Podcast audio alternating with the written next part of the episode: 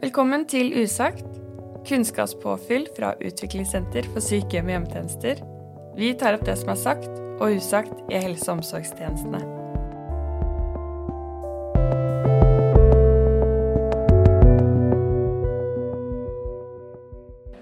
Velkommen til dag to på pasientsikkerhetskonferansen. Jeg har fått med meg Svetlana og Camilla fra Aske kommune. Velkommen. Tusen takk. Takk. Fortell, hvem, hvem er dere? Eh, ja, jeg heter eh, Svetlana Sjanova, og jeg jobber som rådgiver i noe som heter FoU eh, i Asker kommune. Og jobber mye med kompetanseutvikling, kurs og opplæring for ansatte. Og jeg heter Camilla Tønman Christensen, og jeg jobber som fagrådgiver også i Asker kommune, men i en av virksomhetene som er heldøgns omsorg. Sykehjem og omsorgsboliger. Så har mye av de samme om, øh, oppgavene som Svetlana, men jobber mer direkte ned da i, i sykehjemsdelen med kompetanseforebyggende tiltak, jobber med risikoer, ja. Undervisning og opplæring. Ikke sant. Men hva er hovedforskjellen på stillingen deres, da? For dere er rådgivere begge to. Ja. I FoU så har vi eh, ansvar for hele velferd. Alle virksomhetene, ni virksomheter. eh, Hvor vi lager felles kompetanseplaner. Hvor vi ser på hva er fellesfarlige virksomheter, og hvilken kompetanse må de ha. For dere er jo en ganske stor kommune, da. Mange tjenester og mange områder å, å dekke, så det er et stort, eh, stort felt Ja. dere har. Og da er jo min oppgave som rådgiver i en av virksomhetene å følge opp det man lager på litt overordna nivå, ned til virksomhetene. Så jeg blir en støtte til avdelingsledere og de ansatte for å få gjennomført dette i praksis. Det er kjempeviktig. Men da er det viktig at dere er her i dag, da. Eller disse dagene. Veldig Ja. viktig. Og det har vært noen fine dager. Det har det helt klart. Det har vært eh, veldig, veldig bra. Hva tenker dere om pasientsikkerhet? Hvorfor er det viktig for dere? Eh, Nei, for, for oss er det veldig viktig å høre kanskje ny, nyeste forskning. eh, Få noen tips og råd. eh, Hvordan man skal implementere, hva som er viktig. Eh, Hvordan får man til? Snakke med andre kommuner. Og det er jo viktig å se på den måten vi jobber i dag, sånn at vi ikke fortsetter å gjøre feil. Eh, Forbedre det arbeidet vi driver med. Eh, Gjøre risikoene mindre for feil for de ansatte. Tryggere systemer. eh, For å få til det her, sånn at brukere og ansatte også føler seg trygge når de er på jobb. Og er på institusjonene våre, ikke minst. For det er jo absolutt en arena der vi kan dele erfaringer og bygge nettverk og få disse suksesshistoriene som har fungert der ute. Og Dem er jo kjempeviktig å få med seg hjem. Helt klart. Hvordan er dere jobber med pasientsikkerhet i Aske kommune? da? Eh, Vi har jo fokus på tidlig mm, oppdagelse, altså observasjonskompetanse. Det jobber vi med. Og så er det fallforebygging. Eh, Hva Ja, vi jobber jo også med ernæring eh, i forhold til også de nasjonale retningslinjene. Eh, er i gang nå med å, å opprette tavler, risikotavler og forbedringstavler i vår virksomhet. Som vi eh, tror, eh, ut ifra hva vi har lest og sett på i tidligere artikler og forskning rundt risikotavler også, at dette vil bedre og minske, minske risiko for trykksår, underernæring, fall. Ja, også observasjonskompetanse, sånn tidlig oppdagelse, som Zetland sier. At vi har en mer fokus på de viktige tingene, da. Ikke bare på de som kanskje roper høyest og sier at dette er mitt behov, men hva er det faktisk vi skal følge med på? Så ha en god forståelse for det. Helt ned til alle ansatte der ute. Helt klart. Disse risikotavlene har jeg jo hørt masse om, og de har veldig, eller hatt veldig god effekt eh, ute i ulike tjenester. Så det blir veldig spennende å følge med på. Det gleder jeg meg til. Men eh, hvilken parallellsesjoner har dere vært på disse to dagene? Jeg var på forbedringsverksted i går i to eh, seksjoner, og det var kjempenyttig. Eh, det er jo mange ting vi kan allerede der ute, å jobbe forbedringsretta og huske på forbedringssirkel, men en annen ting er jo at vi kan det, og så er det det å få det ut i praksis. Så det å få noen verktøy og tenke kanskje i mindre skala enn det vi av og til gjør. Vi kan ha en tendens til å gape litt høyt over eh, ting og tenke at dette skal vi gjøre på en gang. Eller vi skal implementere det i flere enheter eller virksomheter eller boliger eller sykehjem på en gang. Og vi kanskje må teste det i mindre skala. Og da har jeg lært noe som heter de om, om, syv synder, og hvordan unngå dem med implementering. Og det eh, kan jeg si at vi nok har hoppa i noen av disse syndene tidligere. Og at vi kanskje nå skjønner litt mer hva det er som er lurt å gjøre eh, mm. framover når vi skal implementere alt fra små rutiner, prosjekter, eh, forbedringsarbeid. Og starte å få medvirkning. For det er jo det også mye av dette handler om. Å få ansatte med, pasienter og pårørende med. Eh, så at vi får til en endring. Helt klart. Mm. Så det er den ene. Mm. Jeg har uh, egentlig prioritert veldig mye om uh, implementeringsarbeid og simulering. Uh, og det syns jeg var kjempeviktig i går. Hvordan få simulering i din avdeling. Det var flere eksempler fra flere kommuner. Og klart mye handler om dette med lederforankring, selvfølgelig. Og så har man hørt hvordan da man har fått til i andre kommuner, som jeg tar med meg videre. Mm. mm. Dette med igjen i mindre skala, simulering i mindre skala, sette det opp i turnus. Ja. Uh, og få lære opp ansatte, kanskje se det i større sammenheng. Og da tenker jeg direkte mot clean-up-strappa som vi driver og implementerer nå i, i vår kommune. Mm, mm. Helt klart. Jeg var på den digitalisering hvor du tenker at vi kan bruke digitalisering mer eh, som en ressurs på ting ikke helsepersonell trenger å bruke tiden sin på. Da. Og det tror jeg nok vi må ha høyere fokus på og løfte opp i vår kommune. Av hvordan skal vi få det til. Eh, fordi vi ser vi, vi sliter jo noe med infrastruktur, bare. Mm. Vi sliter med den dekning. Eh, nok utstyr. Å få en forståelse for at dette trenger vi for å kunne effektivisere dagen vår. Mm. Jeg likte også i går eh, Han var svensk, tror jeg. Han altså, brukers behov for ressurser som utgangspunkt. Eh, og jeg tror også det ble satt litt fokus på i dag, det er at dette med brukermedvirkning tar vi tidlig i planleggingsfasene. Og ikke glemme at alle har ressurser, uansett mm. hvilken somatisk eller psykisk kanskje sykdom de har fra før. Mm. Det syns jeg var en viktig påminnelse nok en gang, at vi må huske på det. Mm. Hvordan er det tenker dere skal ta med det dere har lært på disse to dagene tilbake til kommunen? Eh, først så tenker jeg det er viktig at vi samles. Eh, vi er jo fem stykker fra Asker. Ja. ja.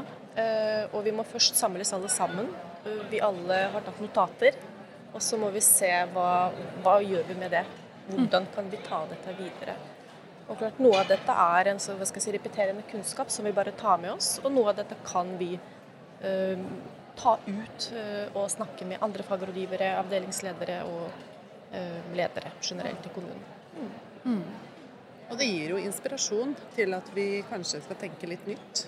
Skal vi endre en måte vi jobber på? Trenger vi en annen type kompetanse? Forbedringskompetanse? En ting er at vi har det. Eh, de som er ute tettest på pasientene, de trenger også denne kompetansen. Ikke minst en ny kompetanse, men også vedlikeholde det de har. Eh, så, så, det blir jo en jobb videre. Å både kartlegge det og, og utvikle det. Mm. Ikke sant? Å stå i endring. Det, også vi slutter ikke med endringsarbeid. Men jo, jo, flere som kan den forbedringskompetanse og hva som skal til av ansatte, jo lettere får vi de med. Ja. Så det er en ting som vi tar med oss. Det er den, hvordan skal vi øke den kompetansen i kommunen. Og fokus, Vi snakket om det rett før vi gikk på, på Svetlana, er jo det her med pasientsikkerhet òg. At vi har det mer i vår daglige tale. Mm. Hva er grunnen til at vi skal fokusere på pasientsikkerhet? Hva, det, hva betyr det faktisk for de som jobber eh, i, i klinikken? Uh, å forstå hvorfor er det viktig med tavler, hvorfor er det viktig at vi gjør kartlegginger, hva er med disse observasjonene som vi driver med. Uh, da er jeg sier det gang etter gang, det er mye morsommere å jobbe når man har den kompetansen. Helt klart. Og det var litt morsomt, Vi snakka med Helse Vest i går, og hun sa noe som jeg syns var veldig bra. fordi eh, pasientsikkerhet blir brukt veldig stort nå. Det er, veldig, det er jo ganske stort omfang eh, og dekker ganske mye. Men jeg tror det er viktig at hver avdeling eller hver, hver virksomhet eller enhet snakker hos seg hva det betyr. Hva betyr pasientsikkerhet for oss? Hva er viktig i vår avdeling eller vår enhet? Mm. Og det tror jeg vi må tenke mer på, da. Mm. Men eh, Hvordan har utviklingssenteret bistått dere i forhold til å bidra til økt pasientsikkerhet, og eventuelt hvordan har de bidratt til det? Vi har jo samarbeidet med dere på flere områder. Det er jo cleanups-trappa. Og så er det ernæring og etikk har vi samarbeidet med dere om. Så vi har har jo både fått uh, råd, implementeringsråd, og så er det jo alltid en uh, hva skal si, parter vi vet at vi kan sende dere en mail og spørre hvis vi står fast. Jeg tenker det har vært veldig bra. Så bra.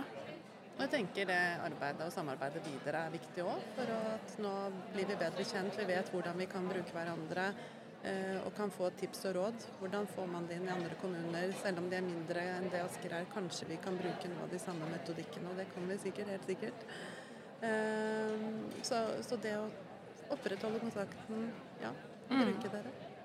Ja, for du, Dere sa jo noe om at vi hadde, altså dere tar kontakt med at dere har fått råd av oss. Men er det andre, hvordan har vi bistått dere i cleanup-strappa, etikk, ernæring? Det er jo lederforankringen da, som vi har hatt besøk av dere inn og, og særlig hatt fokus på nå den siste tiden. er at Det er viktig at lederne forstår hvorfor skal vi drive med cleanups. Hvorfor skal vi drive med observasjon og handling og beredskapskompetanse.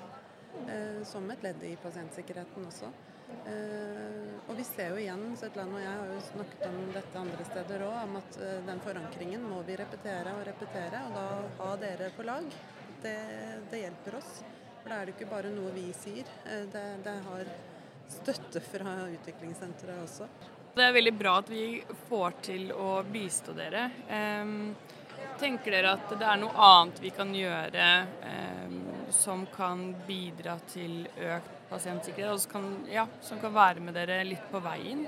Eh, er det noen ønsker dere har fra utviklingssentrene?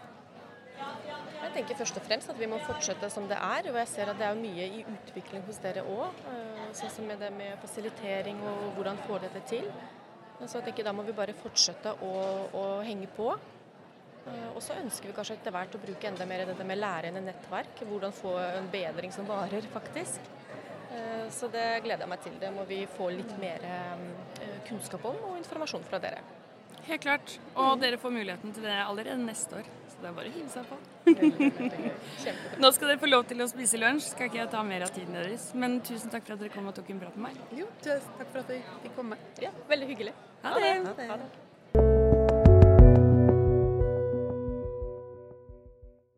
I dag har jeg fått med meg også Eivind som er fra USOT Viken Østfold. Ja, vi er naboer. Vi er det, ja. Og vi samarbeider godt. Ja, det må vi si. Ja. ja. Og det er veldig bra. Og vi liker jo å samarbeide, og vi burde gjøre det enda mer, tenker jeg. Vi har, gjør det. Vi kommer til å gjøre det enda mer. Mm. Og i hvert fall om pasientsikkerhet. Ja, også om pasientsikkerhet. Mm. Et av våre innsatsområder. Helt klart. Ja. Hvorfor tenker du at pasientsikkerhet er så viktig? Altså, vi, Jeg har jobba med USOT siden 2009. Det begynner å bli et par år. Mm. Eh, og jeg har forbedringsagent opplevd hvordan det må gjøres grundig arbeid i tjenestene for å kunne hjelpe brukere og pårørende og systemene til å fungere enda bedre. Mm. De er gode, eh, vi leverer gode tjenester, men vi må kontinuerlig sørge for at det blir bedre. Fordi vi fortjener bedre. Brukerne våre fortjener bedre. Og så kommer det så mange nye som vi også må ta godt vare på. Både brukere, pårørende, ansatte, kollegaer og systemer. Helt klart. Men hvorfor tenker du at det er viktig at utviklingssentrene er her i dag? For vi er egentlig ganske godt representert i dag. Ja, og det er jo ofte det vi er på nasjonale konferanser. Og det er jo ikke noe unaturlig det, fordi vi er jo et statlig tiltak. Og det fortjener kommunene å ha. Så nær Eh, relasjon til et senter med så stor variasjon i kompetanse, som er så viktig for eh, kommunene å ha mulighet til å kontakte. Og så er vi jo i en kommune, men for alle kommuner. Og da er det ikke så viktig om det er Akershus eller Østfold eller Finnmark. Fordi det er et utviklingssenter uansett hvor. Og vi snakker også sammen hvis det er sånn at jeg trenger å vite noe i Finnmark, så får jeg mulighet til å kontakte de i Finnmark. Ja, ikke sant. Og vi kan jo bistå med å kontakte det utviklingssenteret Eller det som er ditt utviklingssenter, da. Ja. Og vi jobber jo stort sett med det samme. Noen ting gjør vi veldig sånn atskilt, men de store trekka så jobber vi jo ut fra det samme oppdraget. Ja, vi gjør jo det. Vi har jo eh, ganske like satsingsområder også, men bare at vi gjør det på en måte litt forskjellig noen ganger. Noen ganger så har vi nettverk eller fagsamlinger eller læringsnettverk eller kafédialoger digitalt. Ja. Sånn som dere har gjort eh, i fjor med Demensplan 2025. Ja, og det var jo også noe vi diskuterte med kommunene. Og vi diskuterte det internt òg. Hvordan skal vi få det til? Hva er kommunen i stand til? Og så ut fra hva vi ser andre utviklingssenter gjør. Altså, jeg er opptatt av uønska variasjon. Det skal bort. Men det, det må være noe variasjon mellom oss, så skal vi ha en utvikling. Helt klart. Og så må- må vi jo tilpasse oss kommunene. Ja. Og kommunene er særdeles forskjellige. Og så har de jo selvfølgelig masse de gjør eh, bra i den enkelte kommune.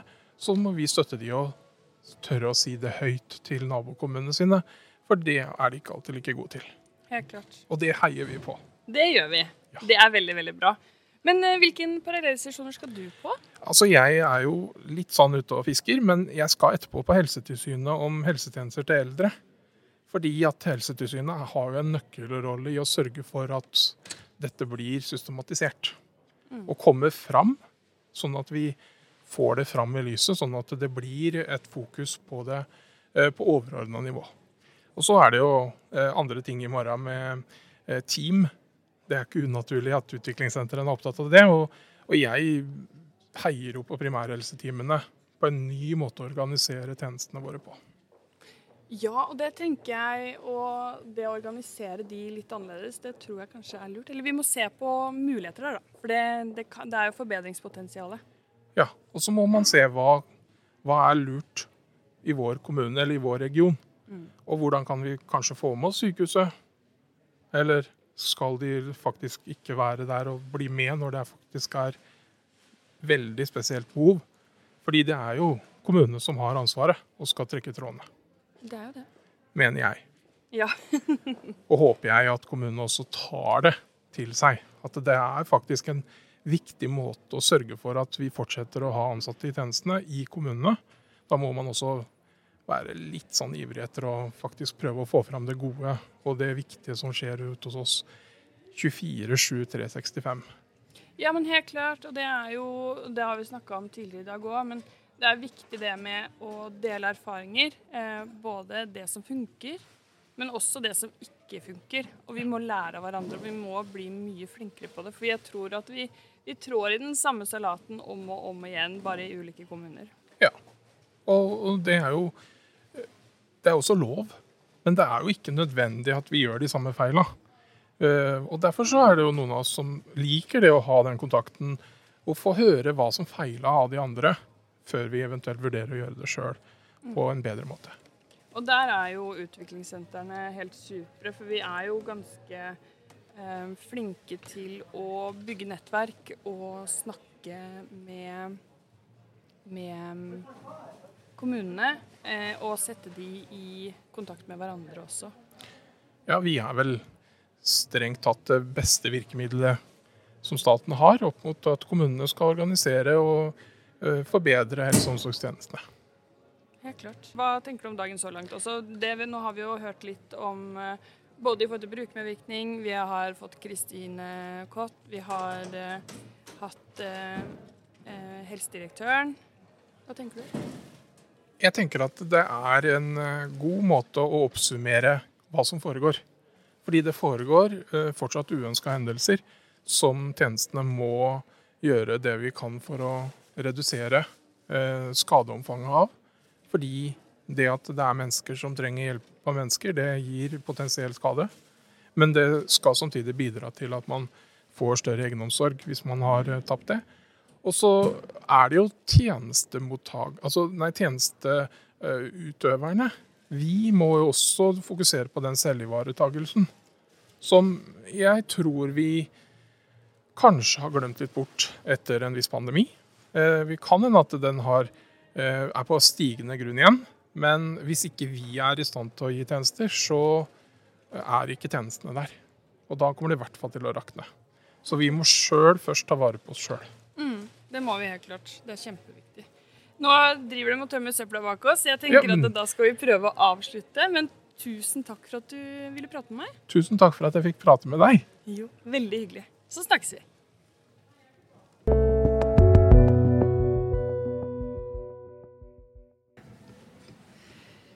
Siste gjesten vi har fått med oss i dag, er eh, avdelingsdirektøren for, eh, eller i Helsedirektoratet. Velkommen, Helga Katarina Haug. Takk. Fortell meg litt, eh, hvem, hvem er du? Ja, ja, du sa jo det er avdelingsdirektør.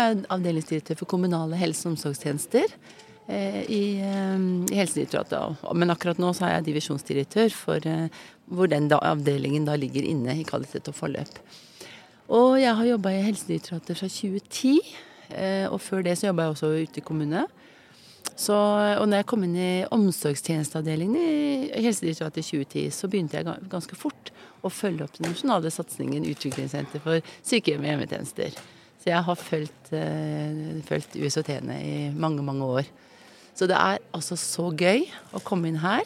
Og når du kom inn i den store eh, kuben da, som er her på hotellet her, og så så du masse postere og masse utstillinger, og så er det jo Sotene veldig mange steder. Vi er veldig godt representert. Veldig, veldig synlig. Og det er så bra. Og veldig gøy, for det har jo skjedd en stor, stor utvikling på de åra som har vært. da. Det har det helt klart. Mm. Og det kan vi. Vi har faktisk en uh, første episode handler om hva egentlig USOT er. Ja, Det er ikke så lett å forklare Nei. alltid. Nei. Vi er litt innvikla, men også Ja. ja. Ja, og så er det jo litt komplisert, for det er jo en nasjonal satsing. Som eh, Helsedirektoratet har på en måte en liksom, styring på. eh, Og det er jo, settes jo fra departementet. Og samtidig så skal det være liksom den lokale forankringen i da, der USHT er forankra, i vertskommune, men samtidig også i alle kommunene som har nedslagsfelt i det fylket. Og det er jo den der, litt den der eh, diskusjonen og den spenninga som vi har, diskuterer nesten på hver samling. For det er ganske krevende, akkurat den delen der, da. Men eh, det er jo sånn som det alltid er. Det utvikler seg jo mye framover. Jeg syns at det fra starten av utviklingssentrene var til å være små enheter som jobba veldig sånn internt og inn på kanskje en sykehjemsavdeling eller en, en avdeling i hjemmetjenesten, så har det jo forankra seg mye større og mye mer inn i fagmiljøene. og blitt liksom utviklingssenter, da, også vært med på, være med på den strategiske utviklingen i kommunene.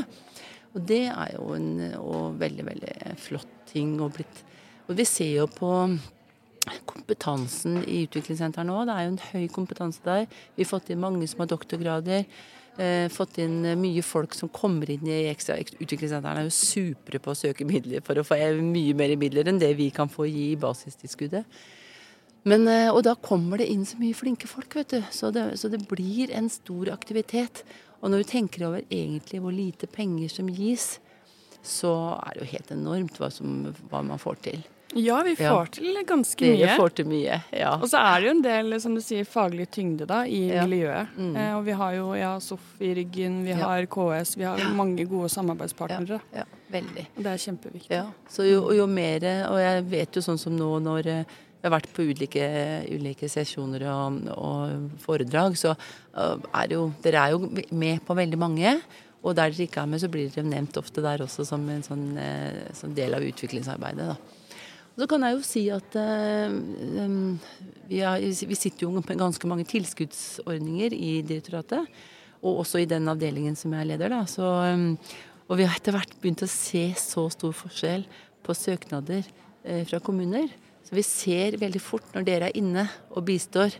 Og bistår både Én ting er å skrive i søknaden og innholdet der, men i tankegangen og i hva er det man skal oppnå. Så vi ser forskjell på når dere er med og skriver, og de kommunene som ikke har med seg dere. liksom. Selv om mange av dem er, det er ikke det, altså. Det er mange flinke der òg, men, men det er et eller annet i, eh, i, den, eh, i den settingen der som gjør at det har blitt veldig eh, Vi ser merkbart at det er endring der. Ja. Ikke sant? Og det gjør jo gjerne. Vi er jo absolutt med kommunene og bistår med søknader. Og Ja. som du sier, vi er jo gode på det. Og Ja. vi skriver mange i løpet Ja. av året. Ja. Så ja, det er bare å ta kontakt med utviklingssentrene. Ja, det er bra. Ja, Mm. det, må, det er veldig fint. Ja, så du spurte hvem jeg var, da. Så det er klart at det, nå har jeg jo, gikk jeg jo øyeblikkelig rett over på at jeg har opp, og fulgt opp uh, utviklingssentrene. Og det er kanskje noe av det som er mest Det er veldig gøy, da. Og det er jo det som er så gøy å være avdelingsdirektør, for da er jeg jo så tett på. Så nå har jeg jo fungert da som divisjonsdirektør en stund, da. Men uh, fordelen er jo da at når du kan en sånn satsing som jeg kan så godt, da, og følt så godt, så kan jeg jo dra den med meg opp i ledergruppa til helsedirektøren. Så det er jo også selvfølgelig veldig smart. Ikke sant? Det er veldig fint. Det liker vi godt. Smart. Ja, jeg er veldig fornøyd med det sjøl. men, ja. men, hvordan har det vært da, å arrangere pasientsikkerhetskonferansen? Ja, ja. Den selve, selve, konferansen ligger i en annen avdeling. Det er, det er kvalitetsforbedring og pasientsikkerhet ved Karianette som leder eh, har det arbeidet. Og hun har jo folk som jobber med det nesten hele året. Et par partistillinger.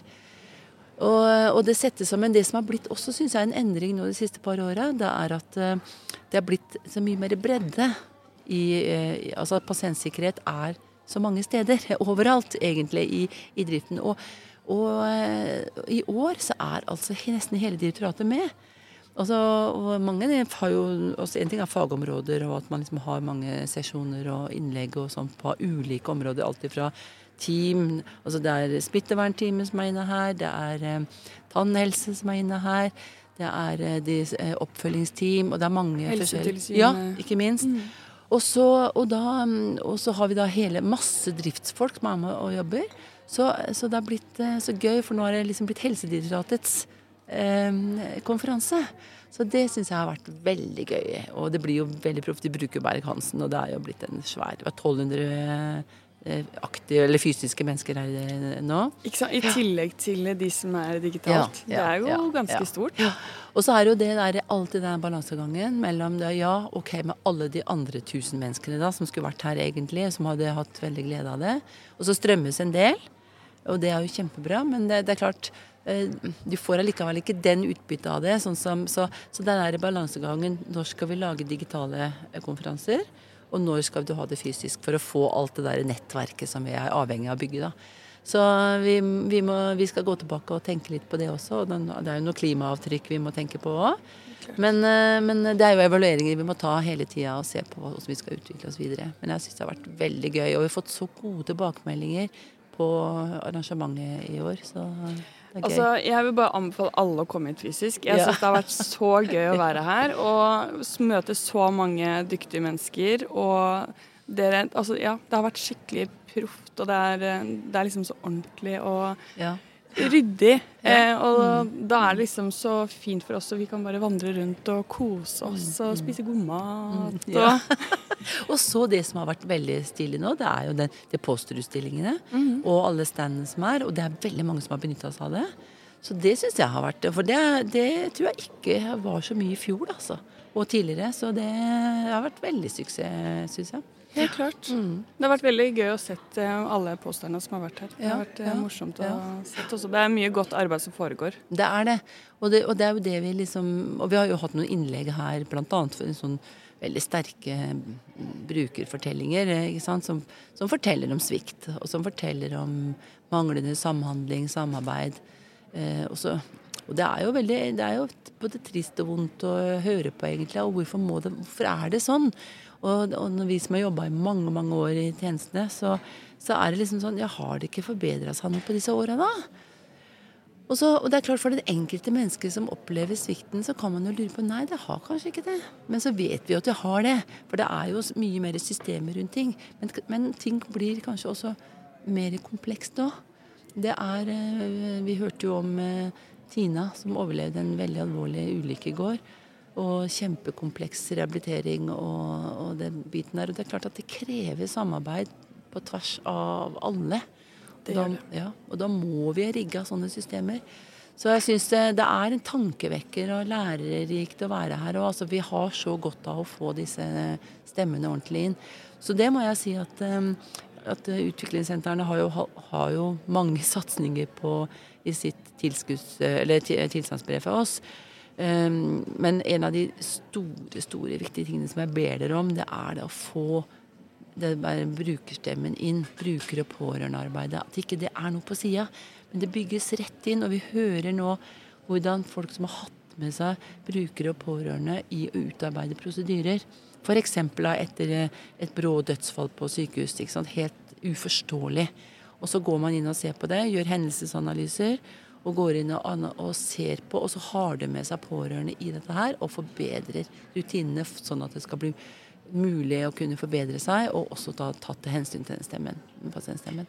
Så, så, jeg skulle ønske dere kunne at Der ber jeg dere være veldig aktive. Jeg vet dere er det, også, men, men jeg syns allikevel at vi Men vi har forbedringspotensial der. Det, det, tror jeg helt klart. Og jeg tenker at det er det er veldig viktig i et forbedringsarbeid, eh, ikke minst, ja. å dra med seg pårørende, brukere og ansatte. Mm. Eh, og det er jo de som kjenner tjenesten ja. best. Ja, det er det.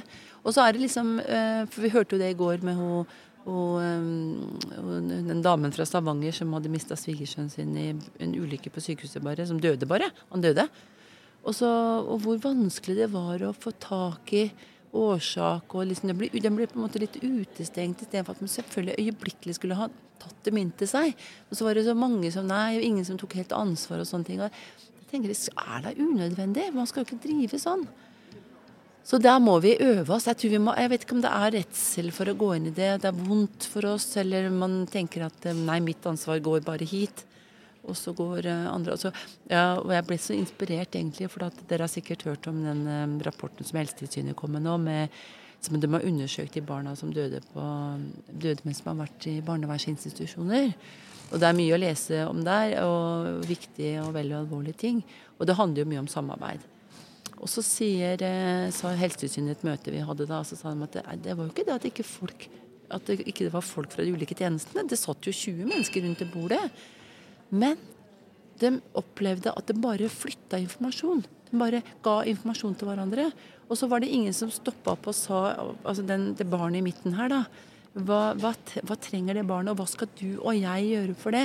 Hva betydde den ja, informasjonen? Ja, og hva skal du og jeg gjøre for at det barnet skal få det bra?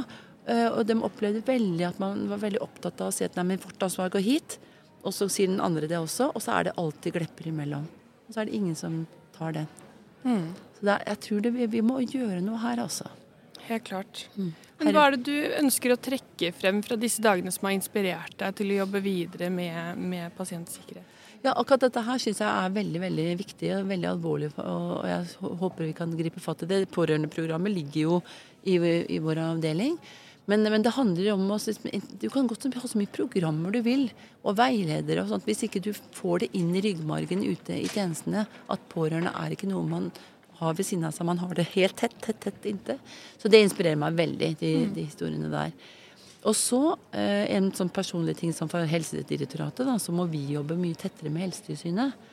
Det ser jeg nå. Vi har snakka om det før, men nå etter disse par av disse her eh, innleggene som har vært nå, så ser jeg at det, det med at tilsyn kan brukes som læring, altså få til den læringsløyfa, eh, der, der, må vi gripe fatt. Det er liksom sånn, det er en ball som jeg bare må ta. Mm. Eh, så den, den er der. Og så inspirerer det meg jo veldig til å se på alle som får til ting, da. Mm. Det er jo også gøy. Det er det, ja. helt klart. Ja. Og det er litt morsomt når du snakker om Helsetilsynet, for vi hadde en, en fagsamling i forhold til observasjonskompetanse for noen uker siden. Ja. Og der hadde vi med oss eh, Helsetilsynet og Arbeidstilsynet. Nettopp. Det var kjempe eh, Altså veldig, veldig bra. Eh, og der så de jo akkurat på det vi også har sett, at observasjonskompetanse er noe vi må styrke i kommunen. Og de ser det gjennom tilsynene sine. Og det vi også legger, eller setter litt spørsmål ved, er hvorfor ikke Helsetilsynet og Arbeidstilsynet også jobber tettere sammen. Ja. For jeg tenker at arbeidsmiljø handler jo mye om altså, man, hva man gjør på jobb, og ja. hvordan man fullfører oppgavene sine. og den psykologiske tryggheten. Mm. Så det, det, handler jo mye om det samme, da. Det er jo mm. veldig komplekst. Mm. Men spurte, tok dere opp den? Det har vi gjort. Ja, Hva sa de da? Jo, altså De syntes det var veldig interessant. Ja. Så vi er inne på noe der. Så vi skal også fortsette å samarbeide med, med begge partene. Og kanskje få til et, eh, et, samarbeid alle tre sammen. Dette er jo supert. Ja, ja. det er veldig, veldig gøy, altså. Ja. Ja, det er veldig bra. Mm. Og jeg tenker at det er, eh, det er, en viktig del av det. Og jeg tenker at tilsynet er jo eh, den viktigste altså tilbakemeldingen vi kan få for mm. å lære mm. og for å bli bedre. Mm. Og for å akkurat, og dem er jo kjempeflinke til å skrive en god rapport der de legger mye vekt på hvordan, hva vi kunne gjort annerledes. Ja, ja. Og da er det veldig enkelt for tjenestene å kunne eh, se på akkurat de stedene man må forbedre. Da. Det er, det er utrolig viktig å få den, eh, den, den lærende Altså det å bli lærende organisasjon. Vi snakker jo hele tida om det, og i, i dag så snakker vi jo bare om lærende organisasjon. Og, og det der med at eh, å lære av andre, lære av hverandre, men også lære av andres feil. Nå har vi akkurat hatt inne fra olje, oljesektoren, og hvor de liksom også analyserer andres nesten-feil. Og der har de, hadde de, har de noen dedikerte personer som jo møtes en gang i uka bare for å gå gjennom rapporter og tilsyn. Og det koster jo ikke all verden, men det er å ta virkelig sånne ting på alvor. da, For å hindre at det skal skje ulykker. Det er klart. Og dem er jo på laget, på laget deres, Ja, på en måte. ja, ja, de skal ikke være og stå med pekefingeren. De, skal, de er sammen med dere og skal få dette til å bli bedre. Mm.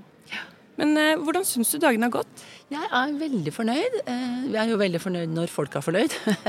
og vi har fått mye gode tilbakemeldinger, det må jeg si. Altså. Og det var eh, vi hadde veldig, altså Dagene er jo stappfulle, for det er jo fulle, korte seanser og veldig sånn godt leda av Kari Anette Os, det må jeg si. Og Ida Romul, tror jeg. Ja. Eh, De leder dette veldig, veldig godt. Sånn, eh, og så er det jo gode foredragsholdere som, som sett, altså det er jo, Poeng er jo at det er ganske kort. Du får gode budskap. Så jeg syns det har vært veldig bra. Og parallellsesjoner er jo Folk jobber jo så godt, så det blir mye interessante eh, også parallellsesjoner. Nå har jeg bare fått med meg noen få, da, i og med at jeg, man går rundt rundt. Men, eh, men eh, og så ble det en Og så var det, er det jo en festmiddag og, og med dans og sånn etterpå i går, så det var så god stemning ved hele kvelden. Ja, så det var veldig gøy. Absolutt. Ja, så da gleder vi oss til neste år òg. Hva tenker du er viktig med samarbeid med USOT i, i, med tanke på pasientsikkerheten? Ja, altså nå har jo eh, Nå står vel kanskje ikke det i brevet deres i år, men i mange år så har det jo stått spesielt at man skal jobbe med kvalitetsforbedring og, og pasientsikkerhet. Eh, og det ligger jo der egentlig i, eh, som en sånn grunnlag, altså det der med, med forskrift om ledelse og kvalitetsforbedring. Det er jo en utrolig viktig forskrift. Så vi har jo forventninger om at det, det ligger i deres ryggmarg òg, å jobbe med den delen der. Og alt vi gjør skal jo egentlig gi pasientsikkerhet. Så jeg forventer jo eh, at, det- at dere jobber med det sånn, selv om ikke det står i vårt brev, på en måte, da. Men, men det, det ligger jo implisitt i alt det dere gjør. Det gjør det. Ja, det gjør det. Og så blir jeg jo Nå skal vi jo Jeg er veldig spent på Dere er jo evaluert nå. Eh, Nå kommer rapporten før, eh, før eh, jul. Vi er veldig spente. Ja, det er jeg òg. Jeg skulle få en gjennomgang nå eh, om ikke så lenge. eh, Til uka, tror jeg. Eller neste uke. For å høre litt. For jo, der vil, vil jeg jo tro at vi får fram liksom hva er eh, særegenhetene ved USHT-ene. Er det- er, det, er det sånn som vi tror fremdeles, at det er den der nære det at dere er så tett på kommunene som gjør at dere blir spesielt viktige og, og gode? Eh, Som er forskjellen fra de andre kompetansesentrene, som også har en evaluering. Så jeg må si at jeg er veldig spent på, på hva som kommer ut av dette her eh, senere. altså. Ja, dere har gjort mye, mye i år, altså. Ja. Evaluert mye. Ja, og depar- men det er departementet som holder i det som går på evaluering av kompetansesentrene. Der har ikke vi vært inne og ikke invitert med inn i det hele tatt. Så, eh, så det blir utrolig spennende å se man kan, hva, hva som kommer ut av det. Men det er i hvert fall for 2024 så er det jo eh, USHT-ene fått dessverre ikke noe særlig mye mer penger enn eh, det vanlige. Bare, bare, bare, bare kompensert for eh, pris, prisjustert. Men jeg regner jo med at Så, så neste år for 2024 Altså nå er jo ikke det, det budsjettet vedtatt ennå heller. Det er jo først i slutten av desember. Men jeg regner jo med at dere har stø kurs i 2024 i hvert fall. Ja, fordi det siste spørsmålet jeg tenkte jeg skulle spørre deg om, hva, hvordan tror du årets Hus og Te kommer til å se ut neste år? Hva tror du satsingsområdene våre kommer til å være? Eh, Jeg tror ikke det blir så, øh, så store endringer. Det blir jo helt sikkert noe på bo trygt hjemme. Bu trygt heime. Den reformen der. Og det med mestring og det å kunne få, få bygd opp den der eh, tverr, tverrsektorielle delen. For det har jo vært diskusjoner mange ganger med utviklingssenteret for sykehjem og hjemmetjenester. ikke sant? Hemmer det samarbeidet i kommunene. For at man liksom jobber på tvers, da. Men, eh, men Leve hele livet-arbeidet fikk jo fram den den, der, den veldig behovet for å få inn folkehelsedelen og hele den, den, for å få til den gode alderdom. Da. Så det kommer til å prege utviklingssentrene, det er helt klart. Å jobbe videre på de strukturene. Og så kommer det jo an på hvordan man rigger det. Vi har jo den, den Stortingsmeldingen legges jo fram i, i desember. Så hva slags oppdrag vi får og hvordan den rigges, da. Men det, det blir jo viktig. Og så blir det jo Dere jobber jo altså, så godt med, med de tinga dere gjør. Det får jo, altså med, sånn med observasjonskompetanse og den der, det, det får jo ringvirkning i, ut i alle tjenestene. Så det er liksom ikke Jeg tenker at dere skal bare fortsette sånn som dere stemmer, Sånn som mm. dere gjør. Ja. ja. Det er godt å høre, da. Ja.